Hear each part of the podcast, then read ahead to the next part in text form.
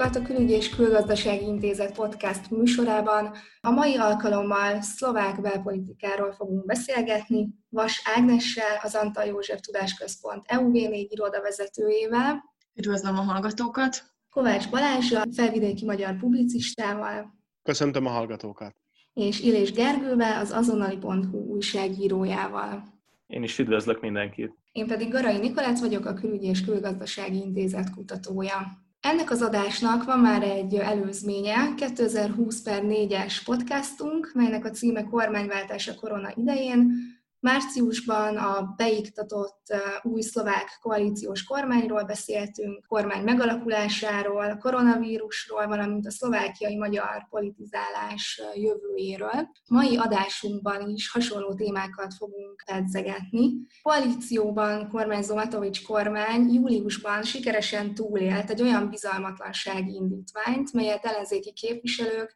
Igor Matovics miniszterelnök leváltására kezdeményeztek, többek között a miniszterelnök miniszterelnököt is érintő plágium botrány miatt.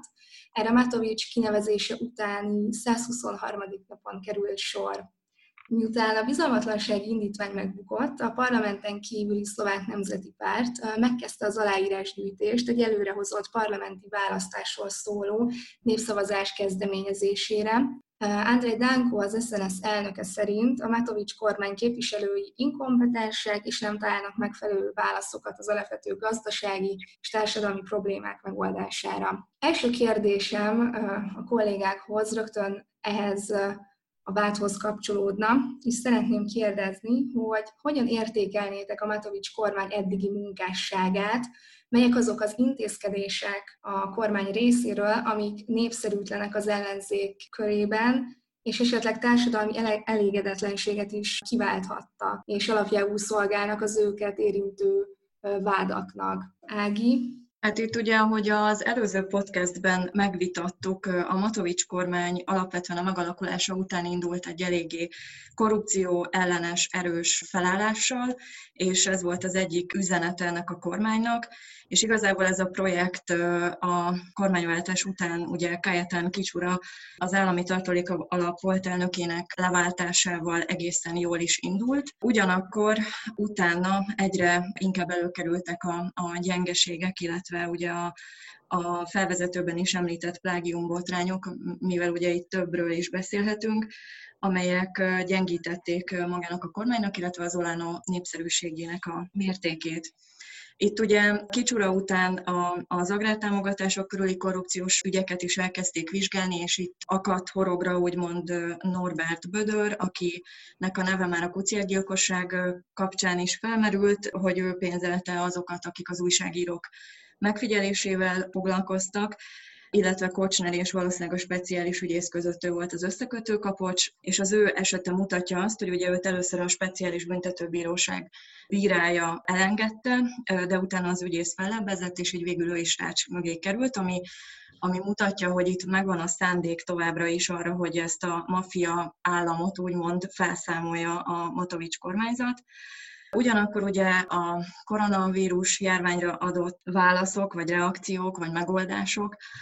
is többféleképpen értelmezhetőek. Itt maga a, a kormány, mind Pellegrini, mind pedig ugye aztán Matovics kormány viszonylag jól vizsgázott a, az első időszakban, viszont a, a vállalatok megsegítésére létrehozott pénzalap az viszonylag lassan érkezik, és, és a segítség az elmarad, tehát ilyen szempontból van egy elégedetlenség ezzel kapcsolatban, illetve ugye a plágium botrányok, amelyekben többen is érintettek, és nem csak maga, maguk a botrányok, hanem az, ahogy reagáltak rájuk illetve itt ugye a járási hivatalvezetők kiválasztása is egy olyan kérdés, ami főleg magyar szempontból hagy maga után kívánivalót, de például ott van a nemrégiben bejelentett fél milliárd eurós szociális csomag, amit ellenzékiként maga Matovics valószínűleg nagyban támadott volna, most pedig ő az, aki egy ilyennel él, egy ilyen lehetőséggel, illetve még ami, ami szintén rámutat a hiányosságokra, vagy a, a bizonytalanságokra, az pedig a főügyész és a speciális ügyész megválasztásáról szóló törvény, amelyet ugye most Zuzana Csaputová köztársasági elnök visszadobott. Itt ugye a, a fő aggály az az, hogy ez a két pozíció, ez nagyban, vagy még jobban függene az aktuális politika állásától, mint eddig, illetve itt ugye felmerültek olyan, hát jelenleg plegykák, hogy Daniel Lipschitz töltené be ezt a szerepet, ezt a főügyészi szerepet, aki ugye most jelenleg a kuciák gyilkosságban a családokat képviseli, és itt az aggály az az, hogy ő viszont eddig nem töltött be pozíciót, ami, ami szintén kérdéseket vet fel, hogy ez mennyire jó, vagy mennyire ö, szerencsés, mivel ez egy, ez egy viszonylag hosszú távú, vagy hosszú távra is kiterjedő kérdés, mivel ugye a köztársasági elnöknek kell kinevezni a főügyészt, ezért fontos az, hogy ebben hogyan alakulnak majd az erővonalak a, a két fél között, a kormány, illetve, illetve a köztársasági elnök között. Talán így ez alatt a néhány hónap alatt ezek lennének a nagyobb, nagyobb mérföldkövek, amiket, amiket így elsőre elmondhatunk így az értékelés kapcsán. Hát én azzal kezdenék, hogy amit, amit látni kell, hogy egy négypárti koalíciós kormányról beszélünk itt Szlovákiában, a Matovics féle Olánó testesíti meg ezt a kicsit populista irányvonalat, amit Matovics kormányfőként is igyekszik egy kicsit továbbvinni, amit már ellenzéki vezetőként is képviselt. Aztán ott a Smerodina Boris Kollárnak a pártja, amely, amely kicsit a nacionalistább irányvonalat képviseli, aztán ott van a jobb közép Európa párti Zelugyi, Andrei Kiska ex a pártja, és végül ugye a Szabadság és Szolidaritás, ami inkább egy ilyen piacpárti, neoliberális, szoftosan euroszkeptikus párt. Tehát, hogy ebből a négy párti koalíciós összetételből, amit látni lehetett, hogy elkerülhetetlenek a konfliktusok. Tehát elkerülhetetlen volt, hogy a koalícióban előbb vagy utóbb, és inkább előbb, mint utóbb megjelenjenek különböző belső konfliktusok, amelyeket a koronavírus járvány egy ideig, óráig el is tudott fedni, viszont ugye a plágiumbotrány az, az nyilvánosságra hozta ezeket a belső ellentéteket a legnyilvánvalóbb, ugyebár az egész plágium botrány Boris Kollárral indult, aki a Smerodjinának az elnök, és jelenleg a szlovák parlament elnöke. Igor Matovicsot nem szólította fel lemondásra, ami azért is meglepő, mert az előző házelnök Andrej Dankót, a szlovák nemzeti pártnak az elnökét pedig nagyon-nagyon hevesen támadta, ugyanamiatt, amiért Boris Kollárt meg nem, tehát hogy mindkettően plágium botrányba keveredtek. És később ki is derült, hogy mi ennek a fő okozója, ugyebár mert Matovics is maga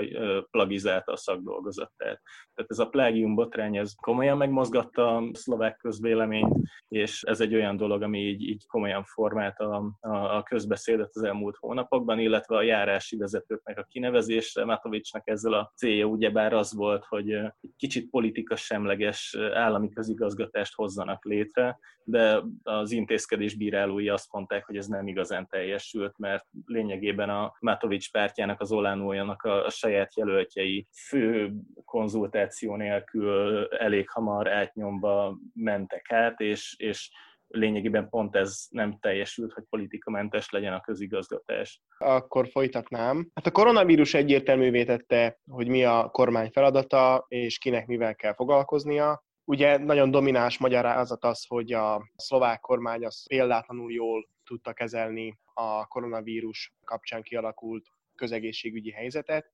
Ugye mind a mai napig 31 halálos áldozata volt idézőjelbe mindössze a, a koronavírusnak Szlovákiában. Ennek nyilván van egy pozitív olvasata, ami azt mutatja, hogy krízis helyzetben a szlovák társadalom az képes a fegyelmezettség jeleit mutatni, Ugye van egy negatívabb olvasata is, ami hát pedig úgy szólt, hogy, a, hogy az emberek pontosan tudják azt, hogy egy ilyen krízis helyzetben kizárólag önmagukra számíthatnak, és a, igazából a közegészségügy állapotát vették figyelembe, amikor, amikor különböző önkorlátozó magatartás mintákat vettek magukra és eh, hát ahogy, ahogy itt elő megállapítottátok, a vírus által elfordult belső ellentétek azok eh, hát igen, csak hamar a felszínre bukkantak. Ugye mind, mind értékrend tekintetében, mind, mind prioritások tekintetében egy igen színes koalícióról beszélhetünk, és hát igazából a, a több törésvonal is látszódik, eh, egyrészt a kormányon belül, másrészt pedig, ami a fősodratú sajtót és Matovics viszonyát illeti, szintén rendkívül érdekes és fontos törésvonal, ami meghatározó lesz a, a következő négy évben. Hát az első törésvonal az az tulajdonképpen a, a, a kormányon belüli liberális versus konzervatív törésvonal. Most az értékrend tekintetében beszélek erről. Ugye az elmúlt években a szlovák belpolitikát az jellemezte, hogy értékrendi, ideológiai kérdéseket tulajdonképpen nem igazán, nem igazán tárgyaltak. Most ugyanakkor, mivel Matovics túlnyerte magát,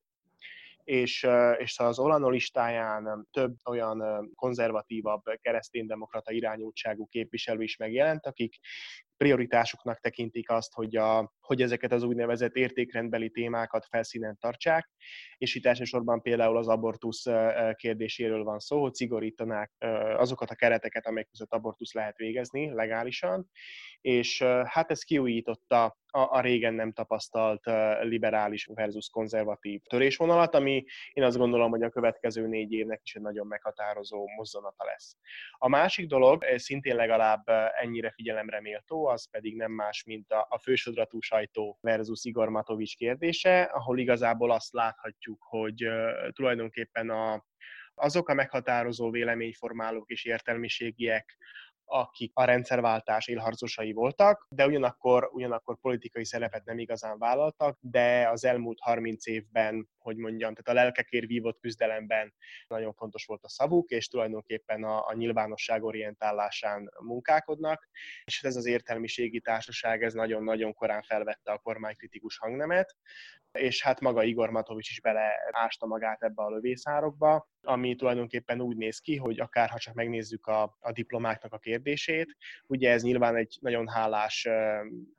lincs téma az értelmiség számára, de igazán a társadalom széles rétegei számára nehezen átélhetőek, de kiválóan alkalmasak arra, hogy a kormánykritikus sajtó, a kormánykritikus értelmiség az rá tudjon mutatni arra, tulajdonképpen a kontinuitás morális értelemben az előző kormányjal az igenis fennáll, és hogy rámutassanak a álszent jellegére, idézőjelben mondom, az álszent jellegére Igor Matovicsnak, hiszen ő volt az Boris Kollárral együtt, akik az elmúlt évek diplomabotrányait folyamatosan napirenden tartották. Ugye itt, itt külön ki kell emelni az előző házelnök és a szlovák nemzeti párt elnökének diplomabotrányát,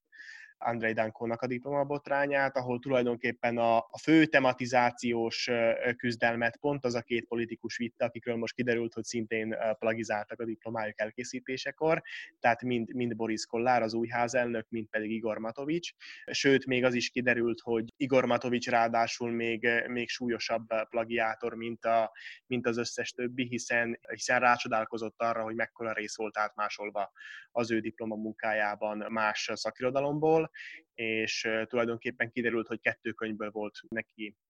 összemásolva a saját diplomunkája, és mindez egy nagyon hálás lincs témát ad az értelmiségnek, de, de még egyszer mondom, hogy széles rétegek számára nehezen értelmezhető és befogadható témáról van szó. Szerintetek ezek a plágium botrányok milyen mértékben tudták meggyengíteni a kormányt? Látok rá esélyt, hogy ez a az SNS féle kezdeményezés, ez táptalajra talál a társadalomban, és esetleg láttok esélyt arra, hogy egy elég előrehozott választásra sor kerüljön? Eleve ironikus, hogy Andrei Dankó pártja, aki maga is plagiátor volt, ugye Dankó, ő kezdeményezi ezt, hogy legyen előrehozott választás Szlovákiában, tehát azt látni kell, hogy azért Andrei Dankó pártja eléggé, eléggé komolyan megsemmisült a múlt választásokon, tehát 3,2%-kal estek ki a parlamentből. Ez egy nagy veresség egy olyan párt számára, ami az előző koalícióban ugyebár benne volt, és Dankó ugyebár maga házelnök volt. Tehát az SNS az eléggé nagy mértékben eltűnt a politikai palettáról, és nem tudom, hogy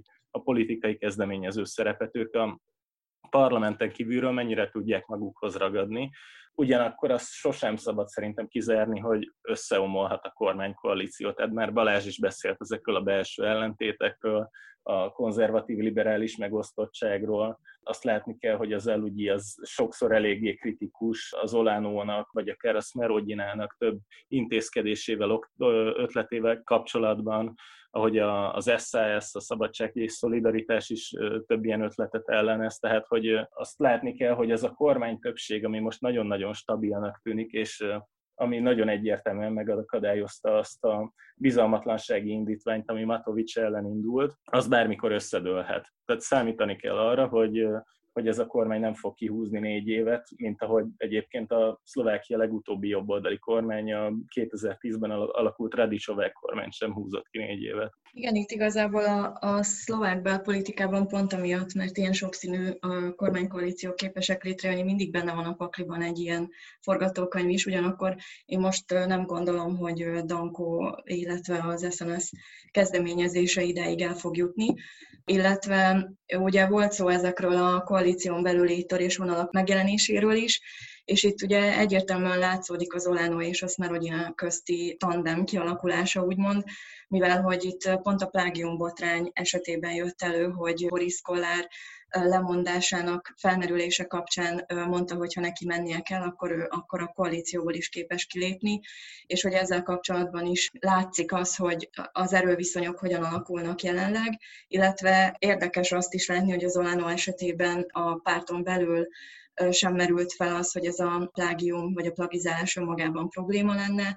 és hogy igazából az egyik miniszter foglalta össze talán a legösszefoglalóbban ezt az egész helyzetet, amikor ugye azt mondta, hogy a plagizálóknak valóban menniük kellene a politikai életből, viszont pont az előző kormány miatt Szlovákia jelenleg még nem normális ország, és éppen ezért Matovics végül is maradhat abban a pozícióban, illetve a plagizálók azokban a pozíciókban, amikben vannak. Ha megnézzük a történeti előképeket, és ebből próbálunk valamilyen következtetést levonni a tekintetben, hogy milyen túlélési esélyi vannak a, a Matovics féle kormánynak, akkor azt látjuk, hogy ezek azért nem annyira kedvezőek. Tehát az elmúlt 30 éven megfigyelhető volt, hogy egy kormánynak a stabilitása akkor nagyobb, hogyha a kormányban egy domináns párt vesz részt, és a többi kormánypártok ehhez a domináns párthoz képest kicsik, és adott egy erős vezető. Ilyen volt a harmadik Mecsiár kormány 98-ig, és ilyen volt Robert Fico első kormánya is 2006 és 2010 között. És ha ezt összehasonlítjuk más kormányokkal, akkor azt látjuk, hogy a kormányok azok mind stabilabbak, hogyha az erőviszonyok kiegyensúlyozottak, és nem érvényesül egy nagyobb hegemon pártnak a dominanciája. Ugye mind ilyen volt a második Zurinda kormány és a Ragyicsová kormány 2010 és 2012 között. Ezek labilisabbnak bizonyultak, és igazából a ciklust sem töltötték ki, annak ellenére, hogy volt egy programközpontú együttműködés, de valahogy nagyon nem voltak egyértelműek az erőviszonyok. És hát a, a, az Igor Matovisnak a mostani kormánya ezt az utóbbi mintát mutatja, és hát igazából valóban látszik az, hogy a négy párti kormányban, mintha kettő pólus próbálna kikörvonalazódni. Az egyik Igor Matovics és Boris Kollár, a másik pedig a, a Zalugyi Párt és az SAS. És itt a törésvonal az pont annak mentén mutatkozik, hogy az új típusú politika, az az antikorrupciós és a, és a különböző politikai trükközésekkel való kíméletlen leszámolás szempontjából ki mennyire következetes. Ugye említettük a diplomabotrányt, ahol, ahol valóban megmutatkozott az, hogy ha egy ilyen ügy felmerül, akkor a, a két kisebb kormánypárt valamennyire próbálja magát bepozícionálni a kormány lelkismeretének a, a szerepébe. De ők is rendkívül kényes helyzetben vannak. Ugye az SAS, ahogy talán már a korábbi adásban is utaltunk erre, egy olyan párt, amelyik, amelyikre már egyszer ráégett annak az ódiuma, hogy egy kormányt megbuktatott, ez volt a, az Ivatar Agyicsová féle kormány 2012-ben, és hát akkor a választók nagyon keményen megbüntették őket. Volt egy elvi kiállásuk, amit hát igazából a választók azért nem tudtak honorálni, mert a jobboldali reformkísérletet buktatta meg tulajdonképpen, és Robert Fico visszatérését készítették elő. Hiába volt akkor ez egy elvileg jól értelmezhető álláspont, ami miatt a kormány megbukott. Az alugyi pedig ennél is furcsább helyzetben van, ugyanis a, ha van a szlovák politikának vas törvénye, akkor,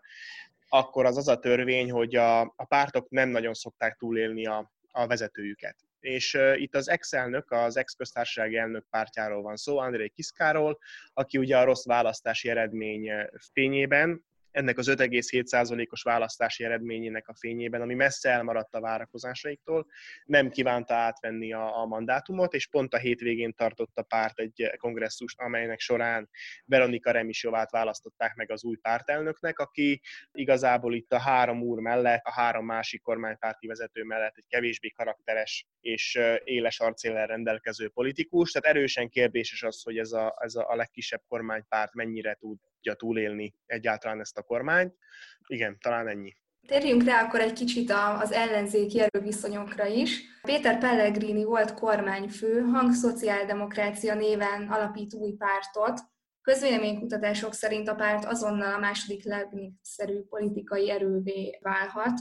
Hogyan tudja a hang megjelenése átrendezni a belpolitikai erőviszonyokat, és mit, mit gondoltok, hogy tud ez az új politikai entitás különböző lenni a Robert Fico féle baloldali politikától, vagy ez is csak egy kísérlet esetleg arra, amire Balázs már kitért, hogy esetleg Robert Fico visszatérését hozzá tudhatjuk ehhez kötni.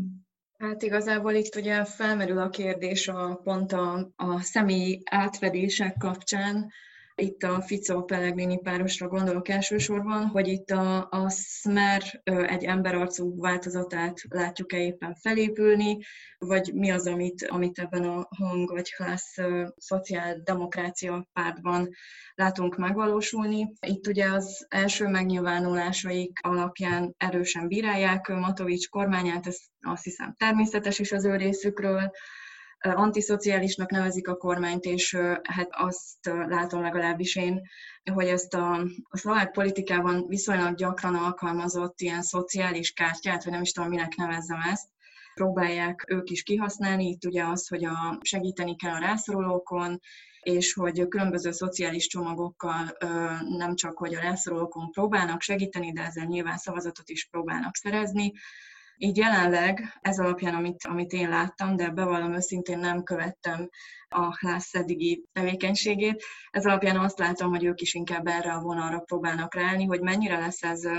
a belpolitikát átíró erőviszony ez a párt, azt most nehéz megmondani. Attól is függ, hogy tehát hányan mennek át ebbe az új pártba, ha jól tudom, akkor egyenlőre 11 igen vannak talán,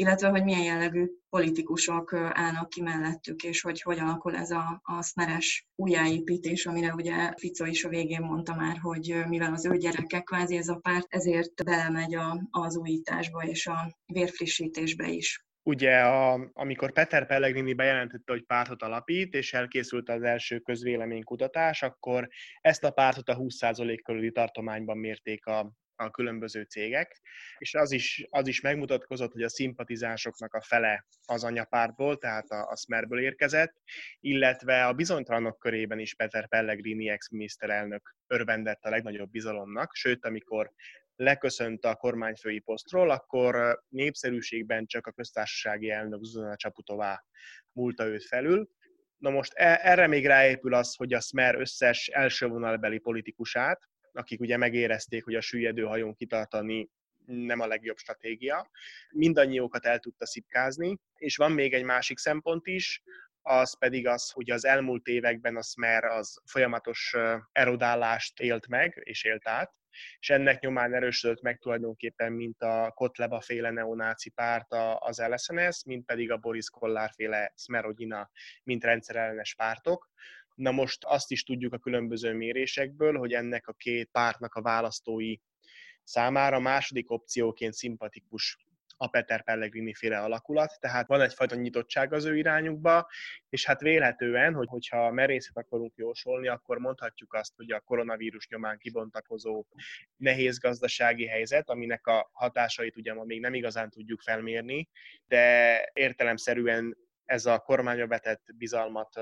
csak leépíteni fogja, és ennek a nagy nyertese az végül is Peter Pellegrini lehet. Hát ugye, amit látni kell a klasszal vagy, vagy hanggal kapcsolatban, Peter Pellegrini új pártjával kapcsolatban, hogy talán Pellegrininek jó, jót is tett az, hogy már nem miniszterelnök többé, és kikerült ebből a kormányzati szerepből, kormányzati szerepben ugyebár valami kevés esélye mutatkozott volna arra, hogy meg tudja újítani a Smert, hogy kicsit Robert Fico árnyéka mögül ki tudjon bújni, mert akármennyi is próbálja ezt tagadni Pellegrini, azért ő mégiscsak Fico embere volt, tehát hogy ez pár napja Fico le is szögezte, hogy Pellegriniből először miniszter, majd házelnök, majd alelnök csak is az ő kegye alapján, majd pedig miniszterelnök csak is az ő kegye alapján lehetett, tehát hogyha nincs Fico, akkor nincs Pellegrini sem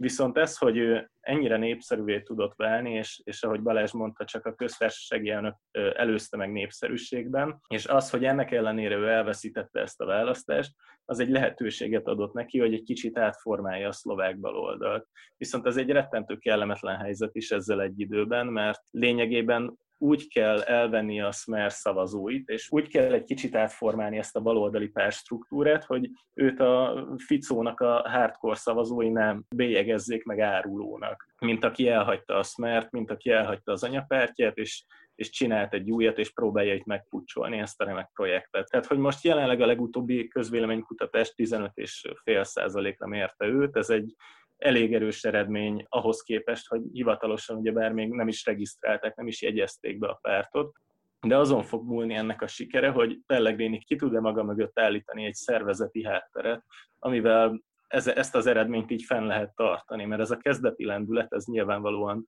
minden új politikai projektnél megvan, de kérdés az, hogy a jelenleg most meggyengült és ilyen 8-10 körül álló Smer, a mögötte levő sokkal fejlettebb szervezeti struktúrával, sokkal fejlettebb vidéki aktivista hálózattal, ilyesmikkel vissza tud-e vágni. És hogyha vissza tud vágni, és, és a, a Class az egy ilyen pár hónapos projektje lesz Pellegrininek, akkor ebből Robert Fico jöhet ki nyertesen, és akár még újra is építheti egy kicsit a saját imidzsét, viszont hogyha Pellegrini meg tudja vetni a lábát, hogyha a halász az, az tartósan a Smer előtt van a közvéleménykutatásokban, akkor az egy elég jó nyertes helyzet a számára. És még ehhez röviden hozzátennék még egy szempontot, ami nem más, mint az, hogy a,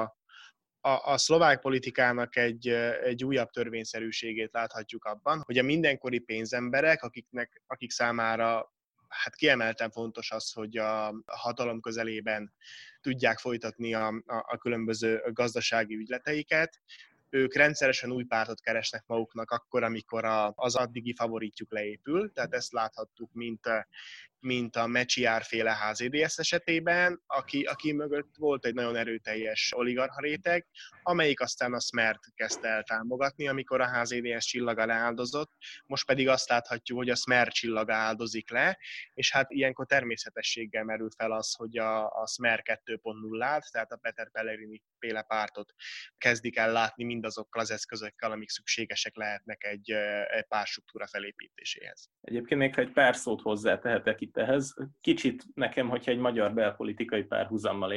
élhetek, egy kicsit egy ilyen MSZPDK belharcra emlékeztet ez az egész történet. Tehát van egyszer a, a régi vezető, akinek még mindig megvan egy szűk rajongói tábora, és van egy megújulni kívánó, megújulni akaró politikai erő, akik természetesen politikai ellenfelek, és természetesen egymással is küzdenek, viszont túl erősen nem mehetnek neki egymásnak, mert értelemszerűen ugyanazokat a szavazókat célozzák meg. Ugyebár Pellegrini pártja a legtöbb szavazóját a Smerből szerezte, illetve szerzi, és a Smer ennek köszönhetően is esett vissza a töredékére, mint ahány százalékon állt korábban, és nem is nagyon teheti meg azt Pellegrini, hogy másfele célozgasson, hanem ugyanazokra a szavazókra kell rámenni, és ez lesz neki nagyon-nagyon nehéz feladat. A Gergő által mondott hasonlat már csak azért is jó, mert, mert nem csak arról van szó, hogy egymás választóit szipkázzák el, hanem abban is jó a hasonlat, hogy ez a két párt egymás természetes szövetségese lesz. Egy esetleges kormányváltáskor.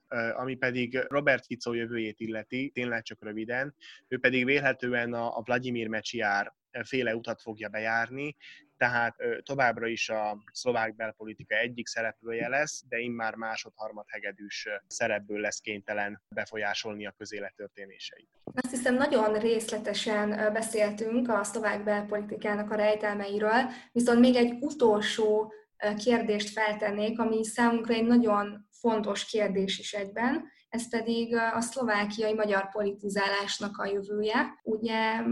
kijöttek a hírek arról, hogy úgy tűnik, hogy megállapodnak a magyar pártok, a híd, az MKB és az összefogás létrehoz egy közös politikai entitást, politikai formátumot. Szerintetek milyen hatással lehet ez a szlovákiai magyar politizálásra, és tekinthető ez egy új korszak kezdetének, esetleg, vagy, vagy itt még nagyon hosszú lesz az út ahhoz, hogy, hogy manifestálódni tudjon ez, a, ez az összefogás, ez a, ez a közös fellépés. vagy egy új korszak kezdetének, vagy egy réginek a visszatértének. Tehát azt kell látni, hogy valamilyen szinten a felvidéki magyar politikában az lenne a normális állapot, hogyha egy ilyen 8-9 százalékos népességarányú felvidéki magyar közösségnek egy pártja lenne, egy pártban tömörülne, és ez egy ilyen közös érdekképviseleti szerv lenne. Ez a, a, a híd és az MKP szembenállása óta nem igazán teljesült. Most viszont ez a pofára esésre felérő választási eredmény megnyitotta az útját annak, hogy ez a két párt újra együttműködjön.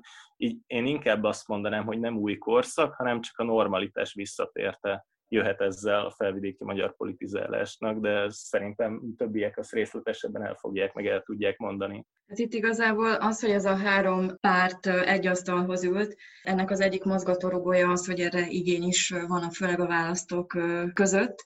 hogy a szlovákiai magyarságnak legyen egy egységes politikai képviselete, és ugye azáltal, hogy valamennyi politikai párt esetében tisztújítás történt, jelenleg még nincsenek személyi feltételek az egyes pártoknak egymással szemben az együttműködésre, ami alapvetően egy pozitív jel. Itt viszont ugye még nincsenek ezek az irányvonalak olyan mértékben kijelölve, hogy hogy fog ez az egész párt, vagy ez a politikai entitás, ahogy nevezted, kinézni, illetve hogy ugye az erről szóló szándéknyilatkozatot majd remélhetőleg augusztus 20-án fogják aláírni. Mindenképpen ugye itt, ahogy Gergő már utalt rá, ez a választási, vagy az előző választási csalódottság az, ami